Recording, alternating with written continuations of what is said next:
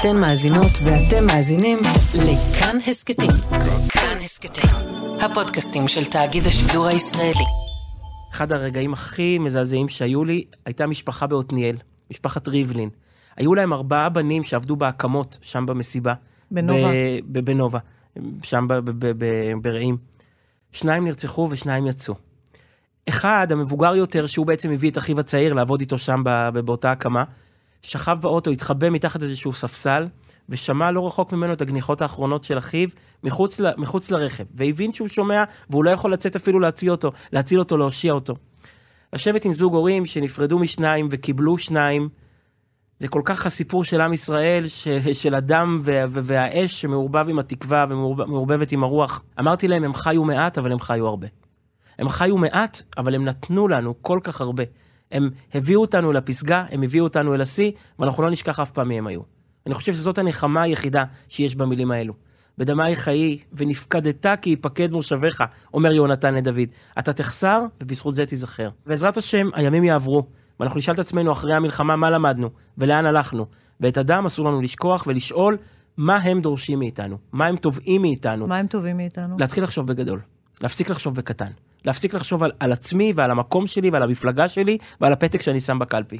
להתחיל לשאול את עצמי איפה אני עומד ביחס לעם ישראל, איך אני מחבר את עם ישראל, איך אני מחבר את עם ישראל לערכי הנצח שלו, לערכים, שהחזיקו החזיקו אותו כל החיים, ואיך אני ממשיך אותם הלאה.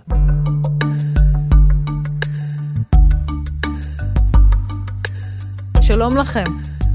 אנחנו רוצים להתבונן יחד איתכם היום בדמותו של המנהיג האולטימטיבי. המדינה שלנו נקלעה לתקופה קשה מאוד, הקשה מכל התקופות שידענו מאז מלחמת השחרור. יש לנו חטופים בעזה, יש לנו חיילים שנלחמים על הגנת המולדת, ולצערנו רבים מהם מקפחים את חייהם. תושבים רבים שנפצעו, נפגעו, נרצחו ב-7 באוקטובר, ואנחנו רוצים כעם להצליח לקום מההריסות האלה.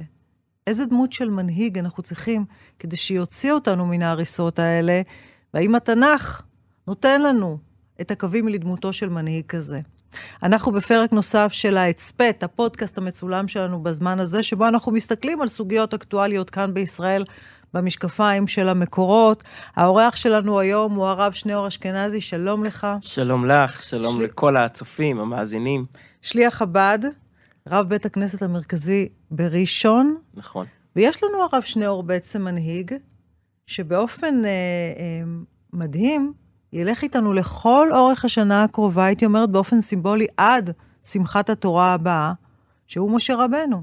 המנהיג שמוביל אותנו משמחת תורה לשמחת תורה, בדיוק בנקודה שבה אנחנו נמצאים. אנחנו עוד לא, אנחנו עוד באמצע הריקודים של שמחת תורה, הנחנו את ספרי התורה בצד ורצנו אה, לחזית, ואנחנו בדיוק בנקודה הזו. אנחנו היינו אז חטופים. עם שלם, שלא היה ממש עם. במצרים. היינו, במצרים. היינו אוסף של, אה, איך נגיד, ממוצא של אברהם אבינו, נכדים של אברהם אבינו, אנשים שבורים, אנשים מדוכאים, אנשים שלא שומעים את משה עצמו מקוצר רוח ומעבודה קשה. נתאר לעצמנו, את- אנחנו שלושה חודשים בתוך השואה הזו, 86 שנים. אנחנו מדברים על חמש שנות אושוויץ, על מלחמת 30 השנים, 86 שנים, ארבעה דורות של שיעבוד, של מרדף אחרי נשים אה, למצוא את הילדים, להטביע את התינוקות ביאור, לשחוט את התינוקות, פרעה רוחץ בדמם. זאת שואה שלא ידענו. ומשה פתאום מופיע, הוא בכלל לא היה שם כל השנים, מכל מיני סיבות, הוא בורח ממצרים בגלל האומץ שלו, והוא חוזר, והוא בא ואומר, באתי להוציא אתכם. ואף אחד לא מסתכל עליו, אף אחד לא מאמין לו. את יודעת מה? משה עצמו לא מאמין בעצמו. שפה פה אני עוצרת אותך, מכיוון שבעצם, אם אנחנו מסתכלים על דמותו של המנהיג, אתה בעצם אומר לנו, התנ"ך, זה בעצם עוד לפני, זה בתורה. התורה בעצם נותנת לנו את הקווים לדמותו של המנהיג הזה. המנהיג הזה שמושיע את העם ומוציא אותה לדרך חדשה, אז אולי בואו נתעכב על חלק מהתמונות של משה. עוד לפני שהוא מגיע לפרעה, כשאלוהים מוצא אותו במדבר, משה נזכיר, רואה את הצאן, הולך, רואה סנה בוער שאיננו עוקל, ופתאום כל אלוהים מדבר אליו מתוך הסנה, ומשה לא רוצה בכלל את ההנהגה. הוא והלא- בורח מן השררה, המנהיג הזה. הבורח מן השררה זאת התכונה השנייה. יש הרי שלושה סיפורים קודם. בעצם ההיכרות הראשונה שלנו עם משה זה סיפורים על הקרבה, על אכפתיות. משה יוצא מארמון פרעה ורואה איש מצרי מכה איש יהודי. הוא מבין את הסיכון, הוא בא מארמון פרעה, הוא יודע שהעיניים עליו, הוא איש מוכר, הוא לא איש נעלם. והוא לוקח את האומץ, והוא מכה את המצרי ומציל את האיש היהודי. הוא שוב יוצא מארמון... אומץ. אומץ. הוא יוצא שוב מארמון פרעה ורואה שני אנשים עיוורים ניצים, והוא שוב מתערב. הוא היה יכול להגיד לו, מה חסר לי? אני נסיך בבית פרעה, הרי הסיפור של היהודי שגדל בבית פרעה, לא חסר לי כלום. התכונה הראשונה של משה רבנו זאת האכפתיות. הוא לא עומד מהצד. מה שקורה נוגע אליי. מה שקורה קורה איתי. הוא הסיפור שלי. הסיפור של העם שלי הוא הסיפור שלי. אני לא עושה לביתי עכשיו. אני לא נח בארמון פרעה, יושב על הכורסה ונהנה עם הנרגילות שמה. אני נמצא איפה שצריכים אותי. והוא גם פועל, וזה מאוד חשוב, מכיוון שממש ממש בתחילת דרכו אנחנו רואים מנהיג שיותר מכל חשוב לו לאחד את העם שלו. כשהוא רואה שני עבריים ניצים, הוא הוא שואל אומר, למה, למה... תכה, למה תכה רעך, הוא יודע שהאיום הכי גדול עלינו, זה המאבק הפנימי בינינו, הוא יודע שהעם היהודי לא יכול לקום אם אנחנו לא מכירים באחווה, לא מכירים באחדות. אז יש לנו אומץ, יש לנו אכפתיות, יש לנו הכרה עמוקה באחווה, הכל אותיות של א', הכל אותיות שמהם הכל מתחיל, ואז הוא נעלם, כי הוא משלם על המעשה שלו. אותו איש עברי ניצי, שמשה בא להציל אותו, וכמו תמיד, האיש שאתה מציל אותו הוא האיש שיזרוק עליך אבנים, והוא הולך ומלשין לפרעה, היהודון הזה, שבכלל גדל אצלך בבית, אתמול הרג איש מצרי. ופרעה מוציא עליו די, מבוקש, מוציא עליו אה, מסמך שמשה נרדף, ומשה נאלץ לברוח במצרים ל-60 שנה.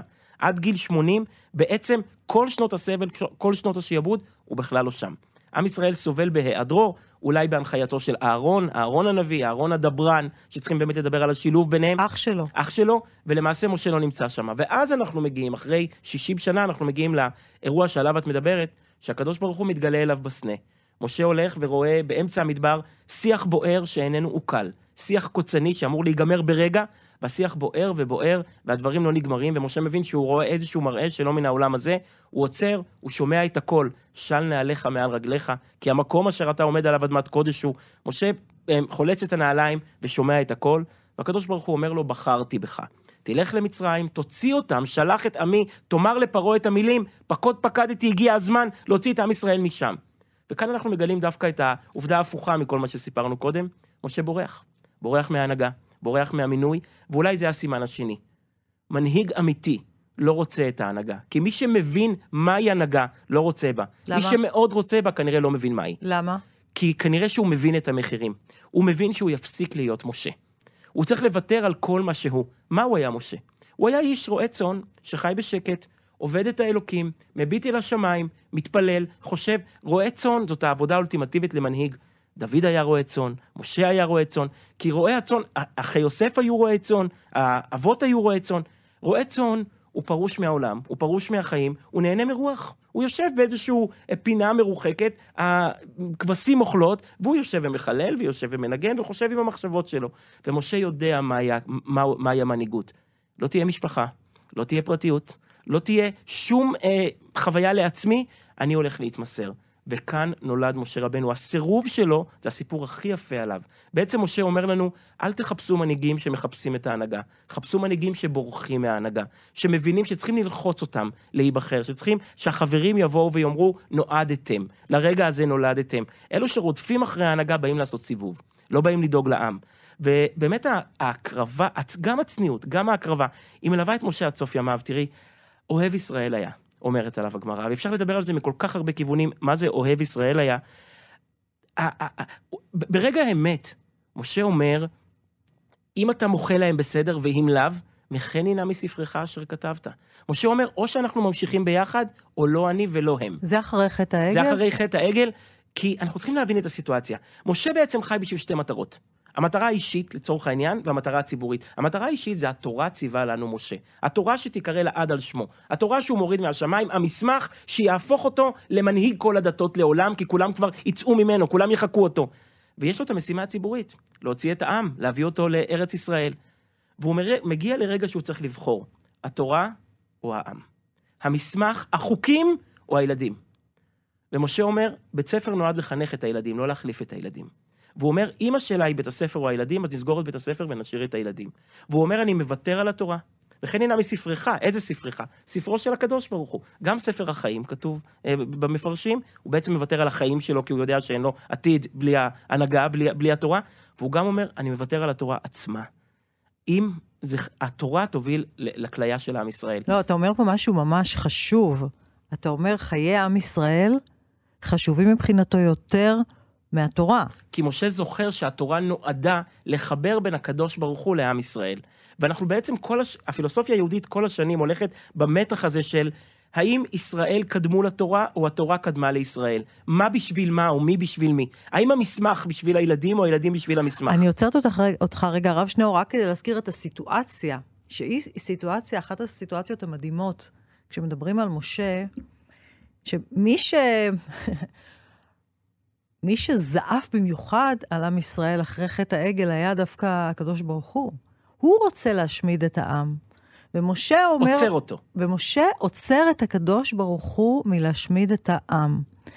וזה דבר מדהים, היכולת שלו, עם כוח האמונה שלו ועם כוח ההנהגה שלו, להגן על העם שלו מפני הקדוש ברוך הוא, יודעת... בזמן שגם הוא זועם עליהם בעצמו. ואת יודעת מי זוכר לו את זה הכי הרבה? הקדוש ברוך הוא. איך התורה מסתיימת? את אמרת עד שמחת תורה. איך התורה מסתיימת? לעיני כל ישראל. כלומר? ורש"י שם אומר... מה זאת אומרת לעיני כל ישראל? כל האותות והמופתים שעשה משה לעיני כל ישראל. כך, כך כתוב. כך נגמרת התורה. ככה המילים האחרונות בתורה. ורש"י תמה, איזה אותות ומופתים עשה לעיני כל ישראל? אומר שם רש"י, העובדה ששברת את הלוחות לעיני ישראל, ואמר לך הקדוש ברוך הוא, יישר כוחך ששיברת. הקדוש ברוך הוא אומר, תודה שעצרת אותי.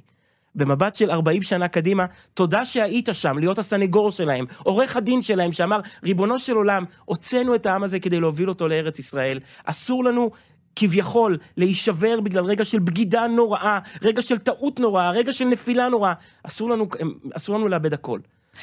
הרב שניאור, אני רוצה רגע לחזור איתך אה, לבחירה של משה, שהיא בחירה תמוהה, לא רק רועה צאן, גם מגמגם. כבד פה וכבד לשון, והוא אומר לאלוהים, אני כבד פה וכבד לשון, אותי אתה שולח לדבר אל פרעה, מי אני בכלל שאני אגיד לפרעה שלח את עמי? והבחירה הזו, בעצם אנחנו רק בראשית הדרך שלו, אבל הוא יהפוך להיות המנהיג הגדול ביותר, ממשה עד משה לא קם כמשה, על כך אין ויכוח בקרב הפרשנים. וזה מדהים שהתורה אומרת בעצם, אני לא מחפשת מנהיג שידע לנאום בכיכרות. ואני לא בהכרח מחפשת את המנהיג שידע לדבר הכי יפה, או שידע לסחוף אחריו את העם באופן הכי יפה. אני מחפשת מנהיג עם תכונות אחרות.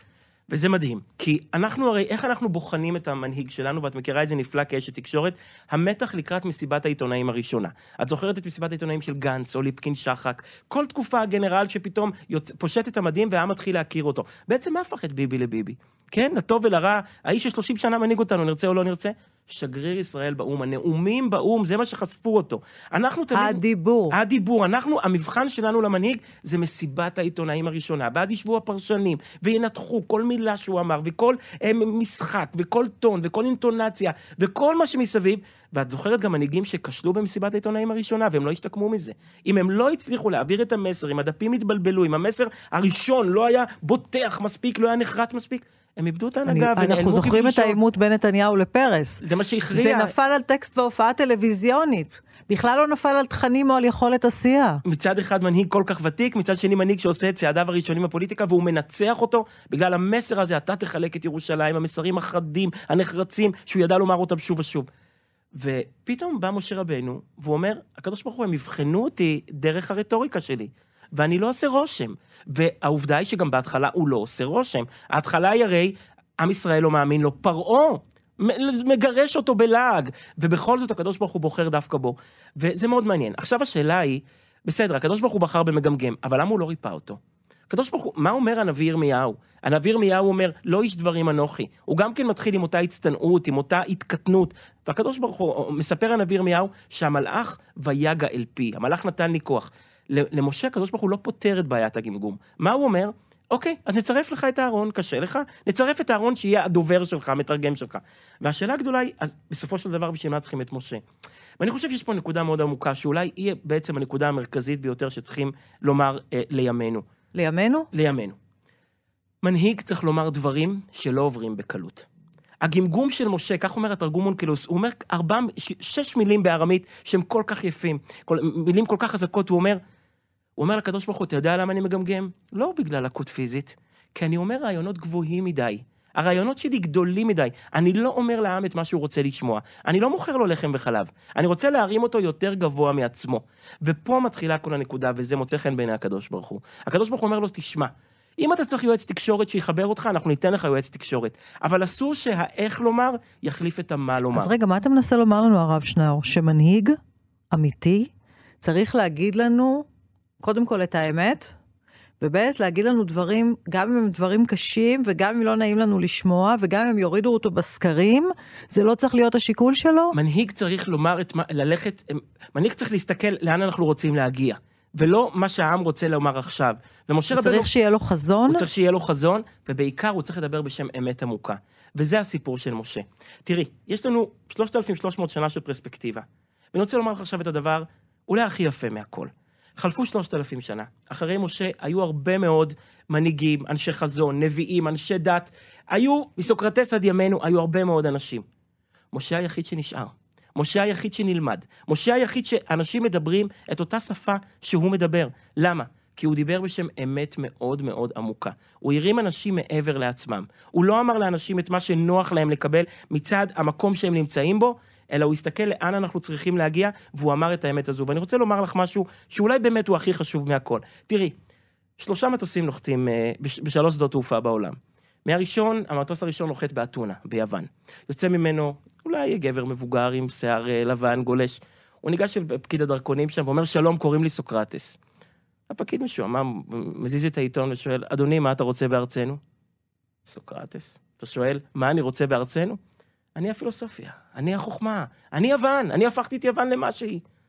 מסתכל עליו הפקיד, אומר, אדוני, אינני מכיר לא את, לא את סוקרטס ולא את חוכמתו, מה אתה רוצה? קח אותי לאקרופוליס. איזה אקרופוליס? אקרופוליס זה מבצר מיושן, חורבות נשארו, 9 דולר ו-25 סנט, אני אארגן לך מדריך. רגע, והאימפריה מה איתה? האימפריה היוונית. איזה אימפריה? אנחנו מדינה קטנטונת באיחוד האירופי, זורקים לנו פרוטות, מדינה לא חרוצה במיוחד. סוקרטס חוזר למטוס וממריא בחזרה. נוחת מטוס שני ברומא, יוצא ממנו גבר מרשים, מודע לעצמו, זקוף, יוליוס קיסר. הוא ניגש לביקורת הדרכונים, הוא אומר, שלום, אני יוליוס קיסר. אדוני, מה אתה רוצה? מי זה יוליוס ומי זה קיסר?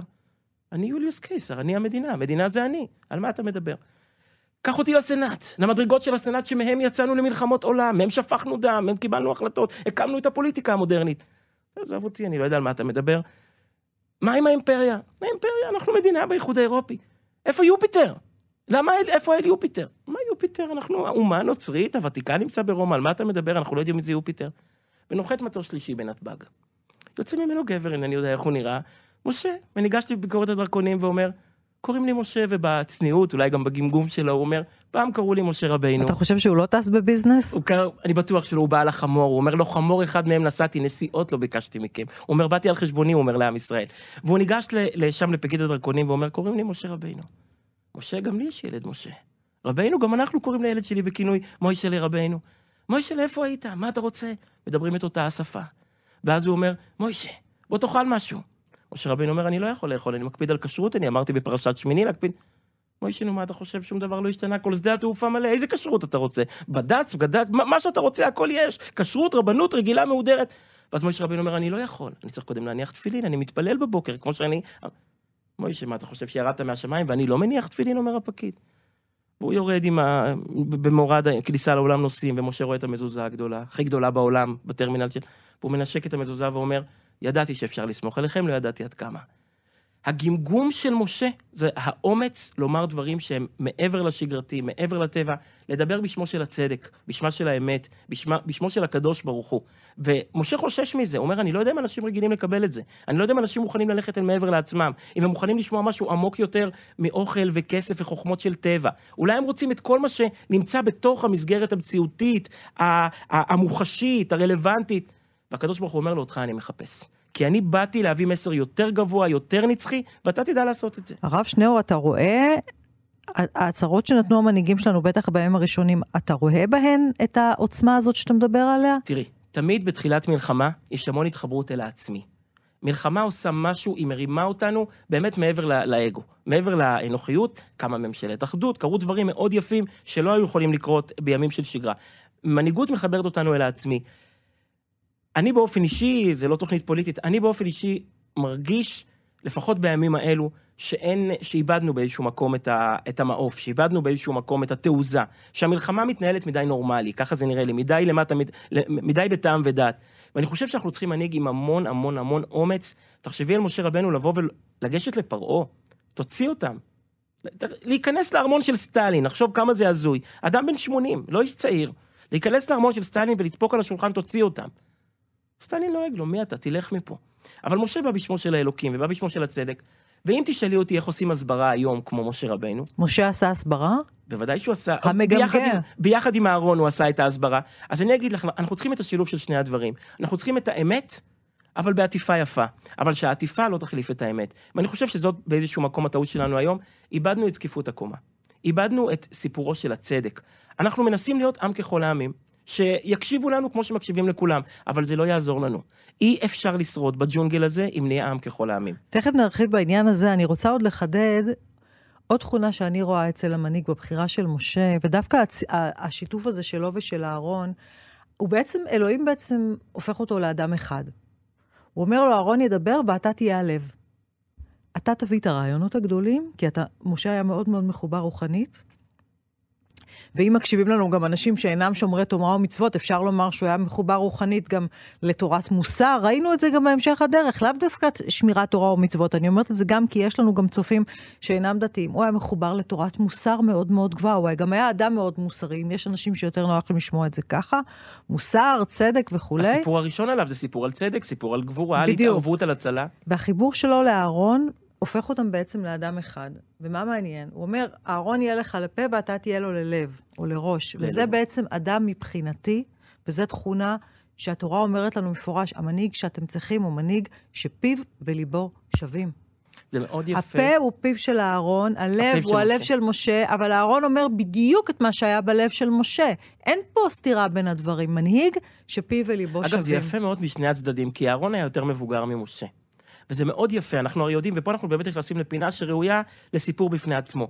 ספר בראשית הרי כולו, מה מוליך אותו? הספר הקודם שממנו באנו, מה שמוליך אותו זה מלחמות בין אחים. מה שמוליך אותו זה האח המבוגר שמקופח. ויוצא למלחמה נגד אחיו הצעיר. זה מתחיל עם קין והבל מיד בבריאת העולם, זה ממשיך עם, עם, עם יצחק וישמעאל, זה ממשיך עם יעקב ועשו, עם יוסף ואחיו, עד מנשה ואפרים, כל הזמן. מין סיפור שחוזר על עצמו. האח הגדול צומח, קם, מתקומם, ואז האח הצעיר עוקף אותו באיזשהו צומת, הוא יוצא נגדו למלחמה, לכו ונהרגהו, לכו ונשליכהו, לכו ונמכרהו. אצל אהרון אנחנו רואים תכונה מופלאה, ומשה חושש ממנה. כשהקדוש ברוך הוא פונה למשה, מה משה אומר? שלח נא ביד תשלח. ביד מי שאתה רגיל לשלוח, יש לך את אחי. אחי יודע לדבר, אחי הוא אבא אבן, אני מגמגם, אחי הוא מרשים, אחי יעשה רושם. כשהוא ייכנס לארמון פרעה, פרעה יטה אוזן. אני עם הכבדות שלי גם לא יודע את השפה. משה הרי לא היה במצרים, משה היה 60 שנה במדיין. הוא גם אפילו מבחינה, לא מדבר שהוא לא יודע דיפלומטיה, שהוא לא יודע גינונים, כי הוא לא איש של משחקים בכלל, הוא איש של יושר, הוא איש של אמת. אפילו מהבחינה הפשוטה, הוא לא יודע את השפה, אין לו שום צורת תקשורת עם, עם פרעה בכלל. ו, ומשה אומר, אז קח את אח שלי. ואנחנו רואים, והקדוש ברוך הוא אומר לו, אתה תהיה, ואחיך יהיה איתך. ואהרון במשך שנה שלמה הוא נושא הכלים של אחיו הצעיר. לגמרי. יש פה תיקון של כל ספר בראשית, אחווה שמובילה לגאולה. כן. וברגע שאדם יודע את מקומו, שבא אהרון ואומר, אז מה אם אני הגדול? אבל אני יותר טוב בתקשורת, והוא יותר טוב בהתגלות, אז אני אעשה את מה שאני יודע, והוא יעשה את מה שהוא יודע. הוויתור הזה, הקימיה הזאת, הרגע הזה שכל אדם יודע את מקומו, זה התיקון של ספר בראשית, ואיך אומרים, קודם מקימים משפחה, אחר כך מקימים עם. קודם כל הם יודעים לעבוד כצוות, ואז אנחנו מוכנים ללכת לגאולה. זהו, שזה מדהים. יש שם צוות כמעט נטול אגו לחלוטין. יש שם עבודת צוות והנהגה של עם נטולת אגו. נטולת אגו לא רק כמעט, כי אחר כך יהיה ביניהם איזשהי ויכוח בפרשת שמיני ביום מותם של בני אהרון, ואהרון ידבר ויצדק בדבר הלכה, ומשה כביכול יטעה, ומשה יאמר לאהרון, צדקת, וייטב, וייטב לו, משה יודע להקשיב. יש ביניהם באמת סינרגיה מופלאה של אנשים ששואלים רק מה רצון האל, רק מה תפקידנו, ומה העם צריך ברגע הזה. בדיוק, שזה עוד תכונה מדהימה של המנהיגות של משה, שלכל אורך חמשת חומשי תורה, הוא לא המרכז. הוא תמיד ישים את טובת העם לפני טובתו, כולל בסוף ימיו. כל העונש הנורא שהוא נענש, לא להיכנס עם העם לארץ המובטחת, שיש הרבה פרשנים שאומרים שהוא פשוט לא מתאים כבר לשלב הזה, שעכשיו צריך אדם שהוא לוחם, כי אנחנו נכנסים למסע כיבושים והוא לא אדם לוחם. הוא לא נאחז בקרנות המזבח לרגע.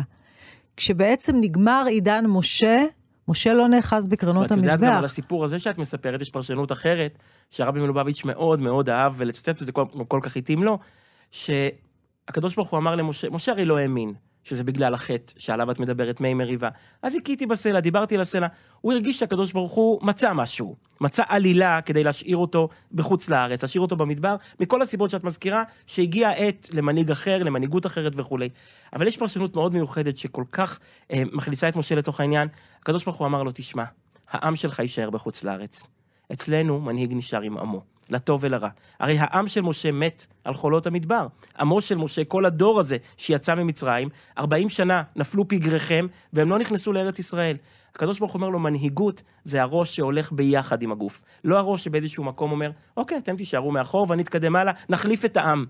אין להחליף את העם. אין להחליף את אין העם. להחליף את העם. אבל, יש להחליף, איתכם, אבל אין- יש להחליף את המנהיג. את המנהיג, כי המנהיג נשאר עם עמו, ואומר המדרש שמשה רבנו נשאר שם בחולות המדבר, ולעתיד לבוא אנחנו מאמינים בתחיית המתים, כשהקדוש ברוך הוא יקים את משה, משה יזכיר גם את המטבעות שנפלו סביב מטבע הזהב, גם את אלו שנפלו סביבו, והוא יגיד, עכשיו הזמן להקים את כל העם שלי. אני רוצה להזכיר עוד תכונה שלו, לא רק שהוא לא נאחז בקרנות המזבח כשהגיע שעתו לפרוש, הוא גם מקים יורש. הוא לא מרחיק יורש פוטנציאלי, להפך. הוא לוקח את יהושע בן נון, ובמקרא כתוב, הוא סמך את ידיו ידיו עליו. על יהושע בן נון. כלומר, זה מנהיג דגול ככל שיהיה, שכשמגיע זמנו לפרוש, מגדל את הדור הבא, מתוך אותה הבנה בסיסית שזה מה שהעם שלו צריך עכשיו. וחז"ל משבחים גם את טוב ליבו, משה טוב עין היה, שנתן את התורה. הוא היה יכול לומר, אוקיי, אז אם אני לא אהיה, אז גם התורה תשכח איתי ביחד. ביום מותו הוא מעניק לעם ישראל 13 ספרי תורה. הוא מעניק את המורשת, הוא מעניק את ההמשכיות, את כל מה שהיה לו. הוא נותן הלאה, הוא אומר, אתם תמשיכו הלאה גם אחריי. וכמובן, צריכים לדבר על הנבואות שלו שהתגשמו. ההימור של אדם, מנהיג של עם נוודים במדבר, שעוד לא הגיע לארץ המובטחת, ולומר, אתם תמיד תהיו. ושב השם אלוקיך את שבותך וריחמך.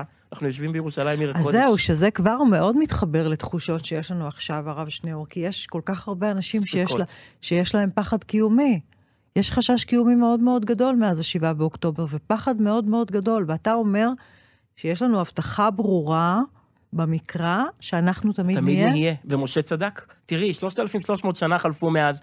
היו אז, אנחנו אמרנו, אמרתי קודם בתפילה, וחרות עמו הברית לתת את ארץ הכנעני, החיטי, האמורי, היבוסי והגרגשי. קיבלו אותנו כאן שבעה עממים רבי, רבי עוצמה. רש"י אומר שהיו 31 מלכים ששלטו כאן בכל, אה, במדינה וסביבותיה, בארץ וסביבותיה. איפה הם כולם? איפה הכנעני? איפה האמורי? איפה היבוסי? איפה הגרגשי? משה ממשיך לנצח. משה שינה את העולם, התובנות שלו שינו את העולם. משה דיבר על כל יחיד. אברהם אבינו התחיל עם משפחה, משה הפך את זה לתובנות של עם.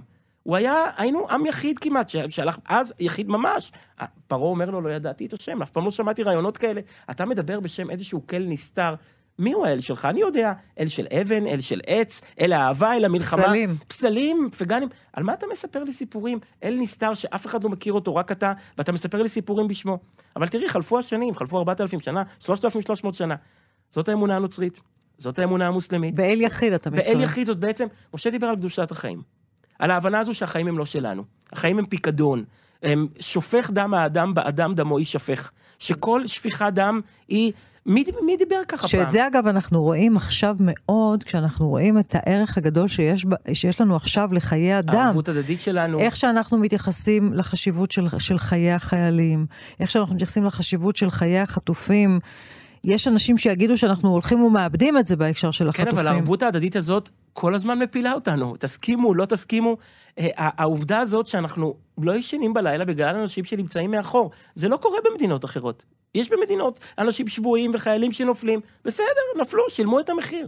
העובדה הזאת שאת לובשת את הדיסקית ונתווכח על הדרך ועל המחירים, אבל עצם העובדה הזאת שכל תפילה מסתיימת ושנחזיר את החטופים ונחזיר את החטופים, משה רבנו נתן תפיסה חדשה על מה הם חיים.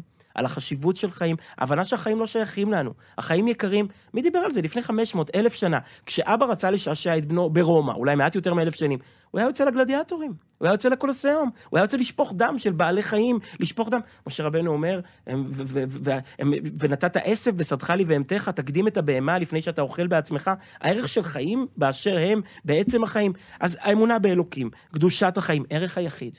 מי דיבר על ערך היחיד פעם? משה הולך למנות את העם, הוא מונה את עצמו, הוא נותן לעצמו אותו מספר כמו לאחרון ולאחרונה בשבט דן.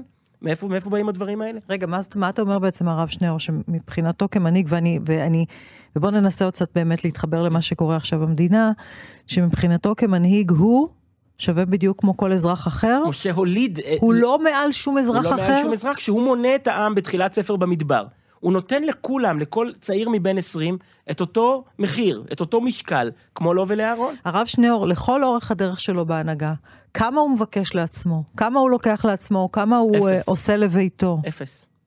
הוא לא עושה לביתו כי משה מוותר על ביתו. וזה באמת החלק הכי קשה בהנהגה שלו. משה בעצם מקבל את ההנהגה, ואנחנו לא רואים אחר כך שום אה, תקשורת עם האישה, שום תקשורת עם הילדים. משה נותן הכל. אנחנו רגילים למנהיגים שמקדמים את המשפחה על חשבון המדינה, ואנחנו רואים פה מנהיג שלוקח את, המנ... את המשפחה אחורה. משה הרי מביא את המשפחה איתו למצרים, ואהרון אומר לו, אנחנו לא מספיק פה סובלים שאתה מביא את אשתך ואת הילדים לתוך התופת הזו, וציפורה והבנים גרשום ואליעזר חוזרים חזרה לבית חמיב, ומתי הם מגיעים? רק אחרי יציאת מצרים. כל השנה הקשה הזו הוא נלחם לבד, בלי גיבוי, בלי משפחה שתעמוד מאחוריו, שתהיה אחרונת, כי היו לו אויבים. היו דתן ואבירם, והיה קורח, והיו מחלוקות. אין לו את הגיבוי הטבעי שיש למנהיג, אין לו את הבית לחזור אליו אפילו. משה נותן הכל. הזכרנו כבר שהוא אמר, לא חמור אחד מהם נשאתי. מה לא זאת ב- אומרת? לא ביקשתי מהם נסיעות. כשבאתי ממדיין למצרים לגאול אותם, לא, לא נתתי החזר, לא ביקשתי החזר נסיעות. באתי על חשבוני, עם החמור שלי הוא באתי. לא מבקש החזר נסיעות. הוא לא מבקש כלום, לא החזר הוא טיסות. גם לא מבקש שיסיעו אותו. הוא, הוא עושה הכל לבד, מעט האושר שיש לו, כי התורה מאוד חשוב לה ההופעה של המנהיג, אז יש מדרשים שאומרים שאת הרכוש שלו, משה קיבל כמתנה מהשמיים עם לוחות הברית, כשהוא יצר את הלוחות, אז מהאבן שנשארה, ממנה הוא התעשר. אנחנו בכלל לא יודעים במקרא שהיה לו עושר, לא כתוב על זה בכלל. נכון. הרב שניאור, אני רוצה רגע לחזור איתך לעניין החטופים. אמרת לי בשיחה מוקדמת, תראי, בעצם, אנחנו עכשיו מדברים על המשא ומתן הראשון, זה לא המשא ומתן הראשון להיסטוריה, לשחרור חטופים, היו לנו גם מלחמות לשחרור חטופים. לנו את ראינו- אברהם ולוט. בדיוק, אברהם ולוט שנלחם כדי לשחרר אותו, דיברנו על זה בפרקים אחרים של, של ההצפת שלנו, אבל פה יש באמת משא ומתן. אמרת לי, יש עם שחטוף בידי פרעה, הוא גם משעבד אותו לצערנו לעבודת פרך, הוא לא נותן להם ללכת, לא מוכן ללכת. ובעצם משה ואהרון הם הראשונים שבאים לנהל משא ומתן לשחרור חטופים, שמצליח בסוף. מסע דילוגים דיפלומטי שנמשך שנה שלמה, שהוא בא ויוצא ויוצא. שנה? ובא- זה לקח שנה? זה לקח שנה, כי משה הגיע באייר וסיים בניסן. אה, אגב, אולי יש בזה טיפ-טיפה עידוד, אמרתי בשבת בבית הכנסת, כי אנחנו שלושה חודשים, מאה ימים, וקצת יותר ממאה ימים, ונפשנו נקעה. גם במצרים זה לקח זמן. כנראה שלשבור את הסיטרא אחרא, לשבור את הקליפה, זה לוקח זמן כנראה. והוא כל פעם בא ומפציר בפרעה מחדש, שלח את עמי, שלח את עמי. ופרעה לועג לו, ובהדרגה הוא הוא נשבר, ושוב חוזר לסורו, ושוב חוזר לסורו, ומשה ממשיך עם אותה הדרך, עם אותה הדבקות במשימה, הדבקות שתאפיין אותו אגב, להבדיל גם מול עם ישראל. 40 שנה הוא לא יישבר עד שהוא ישלים את המסלול. הם עברו את חטא העגל, ואת חטא המתאוננים, ואת חטא המרגלים, וקורח. הוא עבר התקפות אישיות והתקפות מסביב. בעצם כל עולמו חרב עליו 20 פעם. הוא התאכזב מהעם שלו שוב ושוב ושוב, והוא לא מפסיק. נכון. משה ב- ב- ב- נחוש. בספרי הקבלה הוא מידת הנצח. המידה הזו של העקשנות, אין שום אופציה חוץ מלנצח. אוקיי, בוא נחזור למשא ומתן. אה, על איזה היבט את אה, רוצה להדגיש? מג- תראה, הוא הולך יחד עם אהרון לנהל את המשא ומתן הראשון לשחרור חטופים עבריים, הם עוד לא היו יהודים בשלב הזה, נכון? שחרור חטופים עבריים מידי אה, פרעה, ואתה אומר שזה לקח כמעט שנה, כמעט שנה, והוא מגיע עוד פעם ועוד פעם תראה, אבל הוא. משתמש במכות. בדיוק, סוג של. לחץ צבאי כזה. לחץ צבאי, הוא כן. משתמש במכות, הוא בסוף משתמש... מה ששובר את פרעה זה מכות זה מצרים. מכות מצרים, הסנקציות, הסנקציות החזקות. אה, כנראה ש... אגב, גם אברהם עושה את אותו הדבר. אברהם לא מעלה בדעתו אפשרות של כופר תמורת לוט. הוא לא מעלה בדעתו אפשרות של אה, שחרור נכסים תמורת נכסים. בעיני אברהם וגם בעיני משה, יש רק אה, אופציה אחת של שחרור האנשים, הוצאתם החוצה, ואם צריך, אם הדרך אה, ואם הדרך לשם היא מכות, אז הדרך היחידה תהיה מכות. הוא לא מכיר שום דרך אחרת, לא כניעה, לא חולשה, לא משא ומתן. זה לא כל כך משא ומתן, זה יותר שליחות דיפלומטית. יותר מסע שכנוע, כי משה לא נותן כלום. מבחינתו, אגב, לקראת אה, סוף אה, המכות האחרונות, כבר פרעה נשבר, והוא אומר, תצאו אנשים, תצאו רק המבוגרים, תצאו הנשים והילדים, אל תוציאו את הבהמות. משה לא מוכן לוותר על שום דבר. אנחנו נצא עם הבהמות, עם הנשים, עם הילדים, עם המבוגרים, בנערינו ובזקנינו, בבנינו, בבנותינו נלך, כי חג השם לנו. משה רבנו לא מוכן לוותר על שום דבר, חוץ, חוץ מהניצחון מוחלט. תראי, הוא בא בשם דבר מאוד גדול. הרב שניאור, אתה אומר, זה הלך רק בכוח עם פרעה בעצם, אבל אני מזכירה, אני, חייבים פה לשים על השולחן את העובדה שפרעה הוא לא סינואר. סינואר יכול גם לשלם בחייו ולא להיכנע. זו סיטואציה מעט אחרת, אנחנו מדברים על פרעה, הוא היה מנהיג של מדינה, זה לא היה ארגון טרור, הסיטואציה היא אחרת. לכן אני אומרת שהאמירה הזאת, בעיניי לפחות, היא צריכה להיות זהירה. שיכול להיות שפה זה צריך להסתיים, זה, צריך לעשות את זה באופן אחר. אני אומרת את זה ככה באופן מאוד מאוד זהיר. צריכים לדבר קצת על ההסברה, על המקום שבו אנחנו נמצאים היום. אולי אפילו נתחיל ממקום יותר עמוק. אנחנו דיברנו בשיחה המקדימה שלנו, אמרתי, תסביר לי, תסביר לי את העם שלנו. אנחנו מלאי רגשי נחיתות, מלאי ביקורת עצמית לא, נוקבת. לא, אני לא אמרתי רגשי נחיתות, מלא ביקורת אבל אני, עצמית. אני נדהמת כל פעם מחדש. מהביקורת העצמית. מהביקורת העצמית מאותם סטודנטים יהודים ב- בארצות הברית שמפגינים בהפגנות פרו-פלסטיניות אחרי האסון שקרה לנו, מסרט, ש, שמסרט על ישראל ש, שהבנתי שהוקרן בקמפוסים ברחבי ארצות הברית, שמותח ביקורת קשה מאוד על מה שקורה כאן, כאן בארץ. ואני אומרת, והעולם, ואתה גם מסתכל בעולם ואתה אומר, איך יכול להיות שהעולם נוקט בעמדה כזו? איך יכול להיות שיש לנו את האג עכשיו? איך הגענו למקום הזה? אז אני אומר לך, איך שאני רואה את הדברים, אני חושב שהכל מתחיל מהגמגום של משה, ואני אומר את זה למעליותה, לטוב. תראי, יש לנו מסר שהוא יותר גדול ממה שאנשים רגילים לשמוע. לא יעזור לנו שום דבר. יהודי מרגיש בתוך תוכו, יש לנו שיגעון גד, גדלות לחיוב. יהודי מרגיש בתוך תוכו שיש לנו איזשהו סיפור גדול להשמיע. יש לנו איזשהו מסר גדול להשמיע, ולכן תראי מה ירשנו ממשה. ירשנו ממשה את תחושת הצדק. גם אלה שצועקים היום נגדנו, שלטעמי לוקחים את תחושת הצדק למקום לא נכון, ירשנו ממשה את את תחושת הצדק. ירשנו ממשה את הרצון לשנות. את חוסר המוכנות לקבל את, ה- לקבל את המציאות כמו שהיא. ירשנו ממשה את החוסר יכולת לעמוד מהצד. מה אכפת לך? אז שיהיה. אין אצל יהודים לעמוד מהצד. אין אצל יהודים לא לצעוק. גם אם לטעמי אנחנו צועקים את הצעקות הלא נכונות. משה הוריש לנו את האכפתיות הגדולה הזו לתיקון עולם, ומבט יותר עמוק על המציאות, כי הוא בא בשם אמת שהיא יותר גדולה מהמציאות. עכשיו הדבר הזה גורם לנו לחוסר שקט. הדבר הזה גורם לנו לשאיפות גדולות, שגם גורמים לנו לביקורת עצמית גדולה. כשאדם גדול לא מממש את היכולות הגדולות שלו, הוא נידון לאומללות. אם היינו רגילים, ותראי, את יכולה... אני יודע שזה לא politically correct, אבל זה לא יעזור לנו שום דבר. אנחנו, הקדוש ברוך הוא עשה אותנו בולטים. אנחנו לא אוהבים לשמוע שאנחנו בולטים. אבל אותם אמריקאים, בעזרת השם, אני מאחל להם מהאוניברסיטאות, שיצליחו בחיים וישגשגו. הם יהפכו להיות חתני פרס נובל לכלכלה, וחתני פרס נובל למדעים, וחתני פרס נובל לרפואה. האחוז שלנו בדיוק השבוע, דיברתי על הרכוש הגדול במצרים, שמשה מבקש להוציא משם, 40 אחוז מזוכי פרס נובל לכלכלה הם יהודים. שלושה מתוך ארבע הנשיאים האחרונים של הפדרל ריזרב הם יהודים, גרינספן, ברננקי ואילן. אנחנו אנשים גדולים. משה רבנו לימד אותנו לחשוב בגדול, כי אנחנו מייצגים אמת גדולה שבאה לשנות עולם. עכשיו, או שנהיה מודעים לזה, או שניאבק בזה, ואז כל החיים נדון באיזושהי הרגשה של חוסר מיצוי, של פספוס, של חוסר משמעות. אבל זה מה שאומרים לך, למשל, אה, אני קוראת כתבה על אותו אה, סרט שמשודר בקמפוסים ברחבי ארצות הברית, שהגיבורים שלו הם צעירים יהודים בארצות הברית. הם מדברים בעניין של הכיבוש, הם מוחים כנגד מה שהם מכנים אה, האפרטהייד, והם אומרים, דווקא אנחנו, שתוקפים את המדיניות הישראלית בעניין של הכיבוש והאפרטהייד, אנחנו יותר מכל מייצגים את העקרונות של היהדות. אנחנו מייצגים את העקרונות של היהדות, רוצ- של שוויון, של צדק. אני רוצה אה, דווקא לדון אותם לזכות. תראי את האכפתיות שבוערת בהם, תראי את, ה, את המעורבות שבוערת בהם, תראי כמה הם מוכנים לשלם. עכשיו אני יש- רואה את החבדניקיות שבוערת בך. בדיוק כן. כך, יש בדי, בדיוק כך, אה, הרבי שלי, הרבי של כולם, הרבי מלובביץ', כשההיפיס בשנות ה-60, שהם הקודמים של הדור הזה שעליו את מדברת, שהם אה, דיברו, עשו אהבה ולא מלחמה, ו- ו- ו- והעולם הזדעזע מהם, דיברו נגד צרכנות ונגד מלחמות, ואנשים אמרו, תראו, משוגעים, תראו עם הסמים והרוקנרול והמסיבות של הסיקסטיס וכל זה, והרבי אמר, תראו את הנוער. תראו כמה כוח יש בנוער, תראו איזה להט, הוא לא מוכן להסתפק. כן, ב- אבל הם ב- יוצ- במעט שמוכרים לו. אבל עם כל האכפתיות שלהם, הם פוגעים בדימוי אז- של, של ישראל בעולם בצורה בוודאי, קיצונית. והתפקיד הם שלנו... כאילו מצטרפים לאויבי ישראל בעצם. הם לא כאילו, הם ממש מצטרפים ומהרסייך ומחריבייך ממך יצאו במקרה הזה, ואנחנו צריכים לדבר, וצריכים את אהרון שיצטרף למשה, צריכים את ההסברה שתתחבר עם אותה אמת גבוהה שמשה מעביר, אבל אני חושב שמשה חי בינינו, המסרים הגבוהים שלו, האכפתיות הגבוהה שלו, חוש הצדק המפותח שלו, הרצון שלו להביא לעולם אמת שהיא יותר גבוהה מהמציאות, יותר גבוהה מהשוטף, יותר גבוהה מהשגרה, משה בוער בינינו, ואת יודעת מה, לא רק בינינו.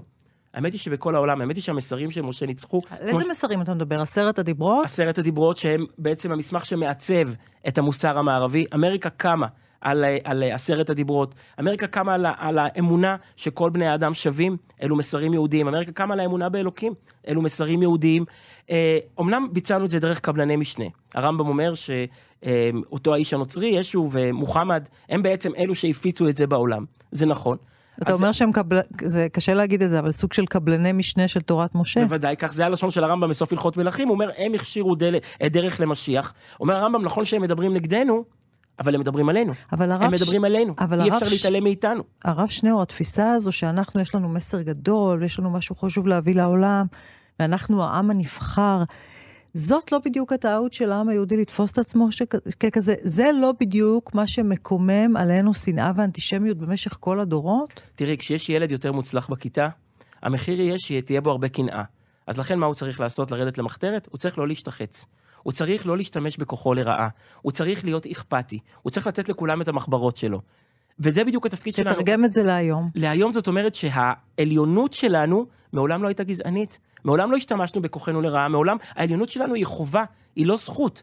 אנחנו לא מדברים על הזכות שלנו על הארץ, אנחנו מדברים על החובה שלנו על הארץ. אבל כשאתה אומר עליונות לא גזענית, יהיו אנשים שיגידו לך שהמצב שלנו מאוד החמיר בעולם, מכיוון שהתחלנו ללכת לכל מיני קצוות, שכן משתמשים בביטויים גזעניים. טוב, אני לא אחראי למי שמשתמש בביטויים לא טובים, זאת בעיה שלו. איך הגמרא אומרת, לא נאבד עולמנו מפני אז אולי, השוטים. אז אולי רק תחדד שאתה אומר העליונות שלנו היא לא גזענית. למה שלנו- אתה מתכוון? אני מתכוון לומר שהעליונות שלנו היא מחייבת, היא לא מזכה. העליונות שלנו אומרת שמה שמותר לכולם, לך אסור. כי אתה מייצג את שמו של הקדוש מה ברוך הוא. שמותר לכולם, לך אסור? כי אתה מייצג את שמו של הקדוש ברוך הוא, כי אתה אסור לך לחלל את שמו של הקדוש ברוך הוא. רגע, בוא- כי עליך בוא- מסתכלים. אז בוא נוריד את זה, מה זה אומר כי בעצם? אני כרב לא מתעסק עם כסף. כשאנשים באים ואומרים לי, הרב, כמה אתה לוקח על הרצאה, או הרב, איך אפשר לתרום לך? ואני לא מתעסק עם זה, אתם רוצים לתרום לו, תתרמו לשם. אני יודע שאני כאדם שמייצג את שמו של הקדוש ברוך הוא, העיניים מופנות אליי, כל המצלמות מסתכלות עליי. הזהירות שלי, המוסריות שלי, צריכה להיות שבעתיים, וכך זה נוגע לכל יהודי. אבל יכול להיות שאנחנו איבדנו את הזהירות הזו בשנים האחרונות. נכון? איבדנו את הזהירות זה הזו. נובע ממקום עמוק יותר. התבטאויות כלפי, כלפי אה, ציבור ערבי כאן אה, במדינה, חוסר אה, מוסר, שחיתות, אה, שיח מאוד מאוד לא מכבד, לא יפה, לא ראוי, פיצול מאוד יש מאוד לזה גדול. ביטוי ב- ב- ביהדות, חילול השם. כל אלה הם חילול השם? אנשים שלא חושבים על איך ישמעו אותם ומה יוצא מזה, ו... וכל הזמן אמרתי, משה מגמגם, והקדוש ברוך הוא מצמיד לו את הארון. צריכים לדעת איך לומר את הדברים. אסור לוותר על המסר שלנו, אבל גם לא צריכים לדבר שטויות. וגם לא צריכים לדבר בצורה כזו שתגרום לפרעה לטרוק את הדלת. אנחנו צריכים להיות גם צודקים וגם חכמים, והשילוב הזה בין משה ואהרון הוא שילוב מאוד מאוד חשוב. הקדוש ברוך הוא לא מוותר על המה לומר, הוא גם לא מוותר על האיך לומר. אז מה היית ואנחנו אומר- צריכים לחשוב ביחד. אז מה היית אומר למשל על ההסברה הישראלית היום? כי ההסברה הישראלית לצערנו לא מצליחה באופן מלא. אנחנו רואים מה קורה בעולם. עכשיו, אני מסתכלת על ההסברה הישראלית ואני אומרת, תראו, בניגוד להסברה הפלסטינית, שכל מהותה זה פשוט, א', המון המון סרטים מעוותים, שאנחנו רואים ברשתות החברתיות בטיק טוק, סרטים שנעשים בבינה מלאכותית ומעוותים את המציאות. הפלסטינים פשוט משדרים לעולם הכל, אני- בלי צנזור של הזוועות. פה לא משדרים ישר את את סרט הזוועות, כי רוצים לכבד את המשפחות, רוצים לכבד את יש החללים. הרגשה שאנחנו רחמנים מדי בשביל הג'ונגל מאוד, הזה. כן. זה מאוד יפה, זה בדיוק מערכת הערכים שאתה מדבר עליהם, אבל מהצד השני, בגלל זה אנחנו לא מצליחים מספיק בהסברה שלנו. יש אבל עוד הבדל, אני חושב וזה אולי ההבדל העמוק ביותר בינינו לבין הפלסטינים, ואת יודעת מה? פה הופתעתי לטובה במלחמה. לפלסטינים יש תחושת צדק, ולנו אני לא יודע כמה יש לנו תחושת צדק. באמת? אין לנו תחושת צדק אחרי ופה שבעה הופ- באוקטובר? ופה הופתעתי במלחמה. במלחמה התברר שהצעירים שלנו יותר מאמינים מכולנו. שהצעירים שלנו יותר חזקים מהמורים שלהם ומהמחנכים שלהם. היינו בטוחים שגידלנו פה דור של טיק טוק ושל פייסבוק, ואני לא מדבר חס ושלום על ציבור חילוני, גם על ציבור חרדי. חשבנו שגידלנו דור שטחי, שנמצא פה כי אין לו מקום אחר, כי פה הוא נולד. ובאה המלחמה וחשפה, קילפה את כל הקליפות, חשפה את האמת, הגיעה עד העצמי שלנו. נכון. וגילתה שעם ישראל חי במובן העמוק ביותר. ואם את שואלת על הסברה, תראי, בטקטיקה אני לא מבין, דובר צה"ל מבין יותר ממני. אבל אני כן חושב, ואם את שואלת אותי מהי הסברה, אני חושב שאנחנו צריכים להתחיל לדבר כמו הערבים. לומר את אותם מסרים שהם בלתי מנוצחים. מה זאת אומרת? הערבים מדברים בשם דת. בשם אלוקים, וכשאדם שומע את הערבי מדבר ככה, הוא אומר, תשמע, הוא מאוד לוהט, אי אפשר לנצח אותו, הוא נבהל. ואנחנו באנו ומדברים בשם כל מיני הגיונות. תראו, האו"ם נתן לנו... אבל מה זה לוהט? גם, זה גם הופך אותו לרצחני במקרה של לא, חמאס. לא, אני לא מדבר, אני לא מדבר בשם על התופ... הד... בשם הדת הוא הופך להיות רצחני. אני לא מדבר על התופעות לוואי, אני מדבר על תחושת הצדק העמוקה. כשהאדם המערבי שומע את הערבי, הוא אומר, תשמע, הוא מדבר בשם להט מאוד גדול שאני לא יכול להתמודד נגדו, אז איכשהו אני צריך להסתדר איתו. בגלל שהערבי, כן. זה, זה משהו נורא, אבל זאת המציאות, בגלל שהערבים... ערבים זה מילה מאוד כללית, בואו נדבר כרגע על ארגוני הטרור כן. האלה. כל כך חדורים באידיאולוגיה שלהם, אין להם שום ספקות פנימיות. וזה מה שאני ספקות אומר. פנימיים, וזה... והעולם מרגיש את זה, אני אתה אומר, אומר. אני אספר לך מהי הסברה. זה נורא. מה, אני אספר לך מהי הסברה יהודית. אני אספר לך שני סיפורים קצרים, אוקיי. על שני מנהיגים דגולים. המנהיג הראשון הוא כמובן בן גוריון. ב-37, ועדת פיל יושבת אה, כאן במגרש הרוסים בירושלים, ועושה את עבודתה, מנסה איכשהו לפתור את הפוגרומים שהולכים ו- ו- ו- ומצטברים, ו- ו- וחוסר השקט פה בין כל הקבוצות שחיות פה במקום הזה בפלסטינה. וועדת פיל, פיל יושבת, והנואם האחרון, אחרי כמדומני שנה של עבודה, מגיע דוד בן גוריון, היה יושב ראש הסוכנות, הוא היה בכלל בחוץ לארץ, והנה הוא מגיע. והוא עומד לפניהם, נותן נאום של שלוש שעות, הזכות על הארץ, והקשר המוסרי על הארץ, כאן קם העם היהודי וכולי וכולי. והוא מסיים, ואז הלורד פיל ככה אומר אה, לעצמו, מאיפה נולדת? הוא אומר באנגלית, where you born? פלוצק. where is פלוצק? אומר, ב- ב- ב- הוא אומר בפולניה, בפולין. ואז הלורד פיל אומר ככה ספק לעצמו, ספק למיקרופון, ספק לקהל. זה, זה מאוד מוזר. המנהיגים הפלסטינים שהיו פה, כולם נולדו כאן בארץ. המנהיגים היהודים שמופיעים לפניי, כולם נולדו בחוץ לארץ. אז האם יש לכם איזשהו קושאן על הארץ הזו? בן גוריון בלי לחשוב פעמיים, על השולחן היו מונחים שלושה ספרים. התנ"ך, להבדיל, הברית החדשה והקוראן, כי היו הם, נציגים מכאן ומכאן, וכל אחד נשבע לפי, ב, בספר שלו לפני שהתחיל לדבר, לפני, לפני שהתחיל להעיד. בן גוריון מקים, מרים את התנ"ך ואומר, This is our קושאן. והלורד פיל אה, השתתק. נגד הטיעון הזה, נגד הטיעון של התנ"ך, נגד הספר הזה שעיצב את הנצרות, ועיצב את האסלאם, ועיצב את החשיבה המערבית, נגד הלהט הזה, נגדו העולם לא יכול להתווכח. אם היינו מדברים בשם צדק היסטורי, בשם צדק רוחני, בשם צדק ש... ש... אם היינו אומרים, תראו, אנחנו אלפיים שנה, הארץ הזו לא שכחה אותנו, ואנחנו לא שכחנו אבל אותה. הם משתמשים במשפטים כאלה. מעט מאוד, אני אספר לך עוד אחד שהשתמש, והמסמך הזה, הבוקר ראיתי, התכוננתי, עשיתי שיעורי בית, המסמך הזה זה בעצם הטקסט התנ"כי היחיד שהפך להיות מסמך רשמי באו"ם. נדמה לי שזה היה ב-76, אני מקווה שאינני טועה בשנה, חיים הרצוג עלה על בימת האו"ם ודיברו על חברון, ואני שמעתי את זה מהנשיא, מבנו. והוא עלה על, על, על בימת האו"ם ודיבר על חברון, והוא אמר, תראו, אה, הוא הוציא את התנ"ך, ואמר, את חברון אברהם קנה בכסף מלא, ואני לוי. משפחות הלוויים קיבלו את חברון ממשה רבנו. זה אחד מהערים שהיו שייכים ללוויים. והטקסט הזה, המזכ"ל האו"ם שישב שם, ביקש אה, להוציא את זה כתמליל, והטקסט הזה הודפס על מסמך רשמי של התנ"ך כפרוטוקול של הוועידה שהוא דיבר בה. אגב, אני שמעתי מהנשיא, זה היה חידוש בשבילי, שזה הרעיון של הרבי. כשהוא היה בשמחת תורה אצל הרבי, ביחד עם משלחת האו"ם, הרבי הציע לו, הרבי אמר לו, הרי אתה לוי, אתה לוי, אז תספר באו"ם על הקשר שלך לחברון, על הקשר שלך לירושלים. וזה מצא חן בעיניו, הוא עמד עם התנ"ך, הרים אותו ואמר, זה הספר שלי, זה הבוק שלי, זה הקושאן שלי. אני חושב שאם היינו מדברים ככה לעצמנו, לילדים שלנו, לאו"ם, העולם היה שומע איזשהו להט שהוא בלתי מנוצח. ובאמריקה יודעים להעריך את האו"ם, יודעים להעריך, סליחה, את התנ"ך, באירופה יודעים להעריך את התנ"ך, ובכלל, כשאדם מדבר עם להט דתי, אתה יכול להגיד הוא משוגע, אבל עם משוגע לא מתעסקים. אבל כשאנחנו מדברים עם כל מיני טיעונים כאלה, משפטיים, האו"ם נתן לנו, רגע, אז החלטה 242 של האו"ם לא נתנה לכם הכל, ואתם לא יכולים לפלוש לשם, ולא יכולים לפלוש לפה, ולא יכולים, וגם בכותל אסור לנו בכלל להיות לפי האו"ם. אז איפה זה נגמר? אני חושב שאנחנו צריכים לטפס מעל כולם ולהבין, יש לנו סיפור גדול, יש לנו סיפור נצחי, אנחנו לא צריכים להתבייש בו, אנחנו צריכים לנפנף בו, אנחנו צריכים לבוא בשם הביטחון העצמי הזה. הקדוש ברוך הוא שומר עלינו שלושת אלפים שנה, אנחנו יותר עתיקים מכל אויבינו. המשותף לכולם, לחמאס ולג'יהאד האיסלאמי, שעוד חמישים שנה הם לא יהיו. ואנחנו כן נהיה. לא יהיו? הם לא יהיו כמו אבל ש... תמיד כשאתה קוראת את ראש הנחש, קם ראש נכון, נחש יותר נ- קשה. הקליפה... הם- הם- בכל דור ודור עומדים עלינו נכון. לכלותנו, ואתה אומר שזה ייגמר? איך הוא אמר, המלאך אמר ליעקב, הוא שואל אותו מה השם שלך, הוא אומר לו אין לי שם, למה אין לי שם? כי הוא משתנה, פעם קוראים לו נבוכדנצר, ופעם קוראים לו המן, ופעם קוראים לו החמאס, פעם קוראים לו הג'יהאד האיסלאמי, אבל הם משתנים. האידאות שלהם משתנות, האויב משתנה, הקליפה משתנה, אנחנו לא משתנים.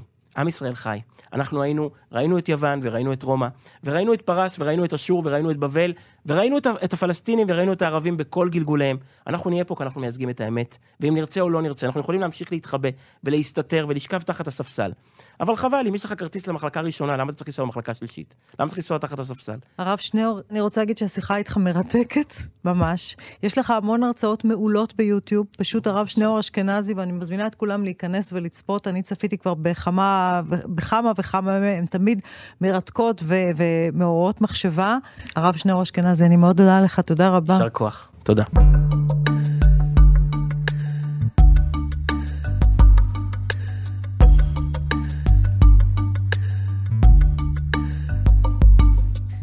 זהו, סיימנו פרק נוסף של ההסכת בזמן הזה.